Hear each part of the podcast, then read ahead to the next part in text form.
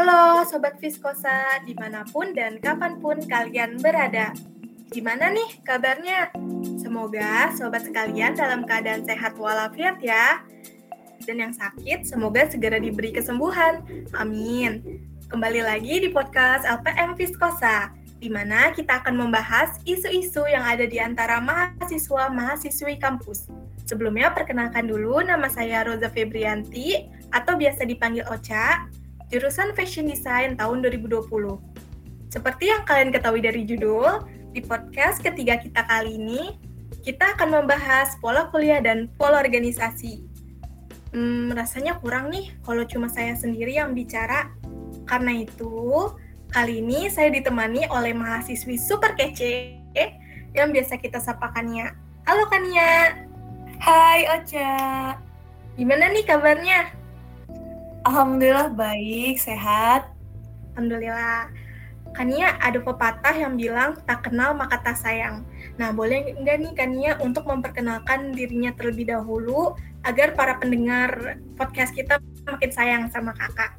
Hmm, boleh boleh. Uh, halo semuanya, perkenalkan nama saya Kurniawati Rizky Murti. Saya dari jurusan Teknik Tekstil 2 Sistem 2018. Hai semuanya. Hai hai. Terima kasih Kania atas perkenalan dirinya. Nah, Kania tuh kan sudah menjadi mahasiswi sejak tahun 2018. Udah senior gitu. Nah, Weiss. boleh diceritakan nggak kuliah kakak selama di kampus? Boleh. Jadi pola kuliah di kampus tuh sekarang mengadopsi dengan kurikulum baru namanya dual system. Jadi apa yang dengan dual system itu pola kuliah di dua tempat di industri sama di kampus di mana uh, pola kuliahnya itu 5 2 1. Apa tuh? 5 itu kita 5 semester di kampus dari semester 1 sampai semester 5. Kemudian kita 2 semester di industri dari semester 6 dan 7 dan semester 8 kita mengerjakan tugas akhir atau yang biasa disebut dengan skripsi. Jadi gitu, Cak. Oh gitu. Terus apa perbedaannya tuh sama kurikulum yang reguler? Uh, untuk bedanya sendiri, kalau untuk yang reguler itu dia cuma satu semester di industri. Kalau dua sistem dia dua semester di industrinya. Jadi karena kita dua sistem dua semester di industri, mata kuliah kita yang di semester 6 kita kebawahin di semester 1 sampai 5. Jadi intinya di semester 1 sampai 5 dua sistem itu lebih padat karena kita semester 6 udah di industri, mata kuliah di semester 6 kita padatin di semester 1 sampai 5. Kayak gitu, Cak. Oh, ternyata gitu. Lebih padat ya ternyata uh, kurikulum sistem oh. daripada reguler. Nah, kalau sistem penilaiannya gimana tuh kak? Apakah ada perbedaan yang kakak ketahui? Untuk dari sistem penilaiannya tergantung dari dosen masing-masing sih cak. Biasanya waktu awal kita masuk nih, misalkan kita lagi di semester 5 awal masuk tuh kita ada namanya kontrak kuliah sama dosen. Jadi sistem penilaiannya ada yang misalkan 40 tugas, 40 UAS sama 20 TS kayak gitu. Tergantung lulusan masing-masing sih kayak mau kayak gimana. Terus absen apakah oh, jadi... pengaruh nilai kayak gitu sih cak. Oh jadi tergantung dosen. Oke. Okay. terus kalau untuk mempersiapkan kuliah nih offline kan banyak nih mahasiswa baru yang belum pernah merasakan kuliah offline termasuk aku aku kan tahun 2020 belum merasakan offline kakak waktu offline tuh mempersiapkan apa aja sih atau uh, ada hal khusus yang hanya bisa dirasakan saat kuliah offline? Um, apa ya yang disiapkan? Kayaknya lebih ke kita nyiapin mata kuliah hari ini apa, kita mempersiapkan buku-buku atau uh, catatan-catatan yang akan dilaksanakan hari ini. Terus kita biasanya kita suka ada pretest ya kalau offline tuh. Jadi kita sebelum mata kuliah itu berlangsung, dosen suka ngasih pretest. Jadi kita harus prepare uh, mata kuliah hari ini apa, materinya apa. Jadi kita harus belajar terlebih dahulu. Uh, selebihnya mah itu atur-atur kayak kita mau sarapan, kita mau bawa bekal, itu mah kita mau mandi atau enggak. Nah itu tergantung ke masing-masing pribadi sih. Kayak gitu sih, Cak. Oh gitu, jadi tergantung kitanya. Tapi harus belajar dulu ya supaya lebih siap ya, Kak. Ya betul Saat banget. Lagi menghadapi yang pretest itu tuh. Karena lumayan nilainya. Terus sebelumnya kakak menyebutkan kalau dual system tuh kan lebih padat ya kak. Betul. Terus gimana kakak untuk mengatur pola belajar kakak yang di antara uh, kuliah yang padat antara praktikum dan teori? Jadi kalau aku sih Cia, aku tuh bikin perencanaan gitu loh. Jadi Senin aku ngapain, jam ini aku ngapain, uh, beres kuliah jam 4 tuh aku kegiatan organisasi apa. Sebelum aku pulang tuh aku harus ngapain. Jadi sebaiknya aku bikin perencanaan kayak bikin daily gitu loh. Aku hari ini harus apa. Oh, perencanaan. Betul, aku bikin kayak gitu sih, Ca, buat mempermudah kegiatan aku biar bisa mengatur waktu antara akademik sama non-akademik. Terus aku kapan harus tidur, kapan aku harus belajar, kapan aku harus main, kayak gitu. Wah, berarti kakak sangat teratur sekali ya. Teman-teman harus mengikuti saran dari Kak Nia nih. Supaya Benar, lebih kita teratur. harus bikin jadwal. Betul. Wah, kalau kan kakak nih padat nih kuliahnya juga ya. Terus cara fokus yang sama rata antara akademik dan non akademik kan kakak sebelumnya kan jelas kalau kakak menjelaskan kalau masuk organisasi kan. Terus cara fokus sama ratanya gimana tuh kak? Uh, jadi ketika kita kuliah nih, kita lagi belajar di kelas, ya udah kita fokus di kelas, kita jangan mecah belah otaknya gitu biar kita fokus ketika kita di organisasi ya udah kita di organisasi dulu. Kapan kita harus uh, belajar kita belajar. Kapan kita harus berorganisasi kita berorganisasi. Kita harus balance dua-duanya cak. Kadang ada juga beberapa mahasiswa tuh yang suka keteteran mungkin karena belum bisa memanage waktu. Jadi sebenarnya kita harus membuat tuh perencanaan sih kembali ke yang tadi perencanaan Oh, jadi harus benar kembali lagi ke perencanaan tadi juga kita harus fokus sesuai tempatnya ya kak. Kalau iya benar. Iya di kelas fokus di kelas. Betul banget. Terus uh, kakak kan sudah merasakan kuliah offline maupun online ya. Terus apa aja sih yang perubahan yang dirasakan kakak? Apa ya perubahannya tuh? Uh, banyak sih kita ditutup kreatif yang tadinya kita megang mesin waktu offline kita megang mesin, kita praktikum bener, kita ngelihat secara nyapa itu bentuknya seperti apa. Terus ketika online kita cuma ngeliat dari tutorial video, kita cuma ngeliat dari YouTube, kita cuma dari baca dari jurnal, kayak gitu. Dan itu menurut saya kita ditutup untuk belajar lebih dari situ, di mana kita nggak tahu fisiknya gitu. Pasti kalian pernah ngerasain juga sih kayak gitu. Wah bener banget kak, aku yang belum pernah merasakan offline merasakan sekali. nah, bener ya. Terus apalagi kalau misalkan nih uh, waktu uas, uas tuh kalau offline kita tuh belajar banget.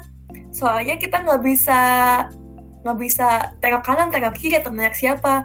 Nah kalau misalkan offline kita agak bisa lebih agak lebih dimudahkan gitu ya. Iya lebih bebas ya kak. Agak lebih mudah lah ya istilahnya kayak gitu. Iya. Nah agar pola kuliah online itu tidak kalah produktif dengan kuliah secara offline tuh, uh, apakah ada uh, saran dari kakak? Untuk lebih produktif kita uh, biasanya kalau saya ya itu kita saya bikin sama kita bikin list uh, tugas-tugas kita. Soalnya kalau offline tuh suka lupa suka suka males suka pokoknya suka rebahan lah. Jadi kita bikin list kapan deadline-nya kapan dikumpulinya terus kita centangin kalau udah kita kirim kayak gitu. Jadi supaya kita nggak tergiur atau sama yang namanya rebahan sama malas kita harus catat. Kayak gitu sih cak. Kalau aku mungkin bisa diterapkan ke teman-teman juga ya. Jadi ketika ada tugas kita list kita tulis tuh. Terus uh, detailnya kita tulis juga. Terus beres dari itu kita centang kayak gitu. Bisa banget diterapin ke teman-teman tuh. Oh bener banget tuh kak. Harus di list supaya tidak lupa. Apalagi kan kalau kuliah online kan aduh pengen banget rebahan gitu kan ngantuk. Bener bener bener apalagi kalau nggak on cam gitu kan. Tidur. Bener banget aduh. Terus kalau uh, peraturan yang di kuliah offline tuh apa aja sih kak? Hmm, kalau offline pakaian atau batas oh. waktu. Kalau offline tuh di kampus tuh kita harus pakai kemeja cak. Uh, kalau bagi yang cowok ini ini gak, gak boleh pakai kaos jadi kita harus pakai kemeja yang berkerah gitu kemudian ketika praktikum kita baiknya pakai sepatu yang tertutup. Jadi supaya sih ketika ada cairan yang jatuh ke kaki dia nggak langsung mengenai kulit pakai lengan panjang pakai jas lab kayak gitu. Terus untuk peraturan waktu di kampus tuh ada yang namanya jam malam. Nah jam malam itu sampai jam 10 malam atau jam 22.00 WIB. Nah itu tuh kita nggak boleh beraktivitas di kampus lagi, udah ditutup kampusnya, gerbangnya ditutup kayak gitu. Oh, terus kalau misalkan ketahuan tidak memakai kemeja gitu kak, itu hukumannya apa kak? Kalau hukumannya tergantung dari dosen masing-masing sih. Ada yang ditegur, kayak misalkan dari kalau di kelas aku ada dosen yang suka negur kalau nggak pakai kemeja gitu kalau misalkan nggak ketahuan mah pinter-pinternya kita sih ya nggak nggak harus ngumpet-ngumpet kalau ya harus ngumpet gitu. di belakang. Terus aku dengar ada kakak kelas yang bilang kalau ke kampus nggak praktek pakai sendal aja. Emang itu benar ya kak? Uh, boleh sih selama kita nggak nggak masuk ke perkuliahan jadi kita nggak masuk ke kelas kita nggak masuk ke lab kita cuma misalkan ke SC SC gitu sebenarnya nggak apa-apa pakai sendal. Jadi kita bukan dalam bentuk kuli kuliah ya konteksnya oh. kalau kita ke masjid nih mm-hmm. itu pakai sendal nggak apa-apa oh oke okay. jadi yang penting nggak karena kelas gitu kalau ya karena perkuliahan lah ya kecil mah nggak apa-apa gitu terus kalau perempuan juga harus pakai kemeja kak Hmm, kalau perempuan sih rapih ya, yang penting sama sopan lah. Yang paling pertama tuh sopan. Jadi jangan yang ngetat, jangan yang uh, menimbulkan apa gitu ya. Pokoknya harus sopan, rapi. Oh, oh, harus sopan pokoknya ya. Ya, sopan rapi sih. Ya. Terus kakak kan sudah lama nih kuliah di Politeknik STT. Apa aja sih kesannya selama kuliah di situ? Hmm, karena kita sedikit nih mahasiswanya, jadi semuanya rasanya kayak keluarga. Uh, walaupun mahasiswanya itu lagi, itu lagi, tapi rasanya kayak keluarganya tuh kental banget daripada di mungkin aku dari refer dapat referensi dari teman gitu ya di universitas yang nggak semuanya kenal kalau di kampus Politeknik STT tuh karena mahasiswa sedikit kita jadi kayak keluarga rasa kasih sayangnya tuh ada kayak gitu terus uh, di STT pun kayak berguna banget gitu di dunia kerja karena kita fokusnya langsung kerja gitu. Iya sih bener kak. Jadi kan kampus kita fokus banget sama uh, untuk langsung dunia ya. kerja, ya. betul. Iya, begitu. Terus yang terakhir nih kak, apakah ada pesan untuk mahasiswa baru yang maba-maba baru yang mau kuliah gitu kak? buat maba nih semangat ya kuliahnya inget kalian tuh ke kampus tuh tujuannya apa gitu terus inget uh, kalian tuh di kampus cita-citanya buat apa niatnya untuk apa ke kampus tuh jangan sampai kalian males-males jangan sampai kalian Eh, nggak uh, serius dalam belajar. Jadi ingat tujuan pertama kuliah tuh untuk apa? Untuk membanggakan orang tua, untuk bekerja, atau cuma sekedar coba-coba doang masuk ke STT terus ya udah gitu masuk doang, nggak ingin apa pun itu. Jadi jangan malas, inget niat kalian masuk ke STT itu apa. Terus semangat kuliahnya fokus karena offline eh ulangi karena online. Jangan sampai itu jadikan jadi alasan buat kalian gak semangat. Gitu cak.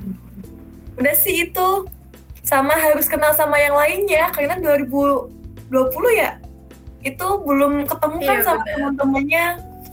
Jadi harus saling kenal semuanya karena kita karena kita cuma masuk sedikit nih harus kenal semuanya nih 2020 iya nih kak. Aduh. Menjadi catatan gitu. Terima kasih banget. Aduh. Jadi kita harus ingat uh, tujuan kita kuliah tuh untuk apa. Bener kayak kak? Ya niatnya harus apa? semangat, ya. harus semangat. Bener banget. Aduh. Para pendengar harus semangat terus walaupun kuliahnya online atau offline ya kak. Iya. Ini pendengar harus semangat nih. Oke wah terima kasih banyak nih kak atas semua hal yang disampaikan sampaikan Kania Semoga dari podcast kita kali ini dapat bermanfaat bagi para pendengar, baik untuk baik mahasiswa baru maupun mahasiswa lama, tetap semangat menjalankan kuliah, mau itu dilaksanakan online ataupun offline. Sekian untuk podcast episode kali ini. Nantikan episode selanjutnya ya. Uh, see you on the next episode.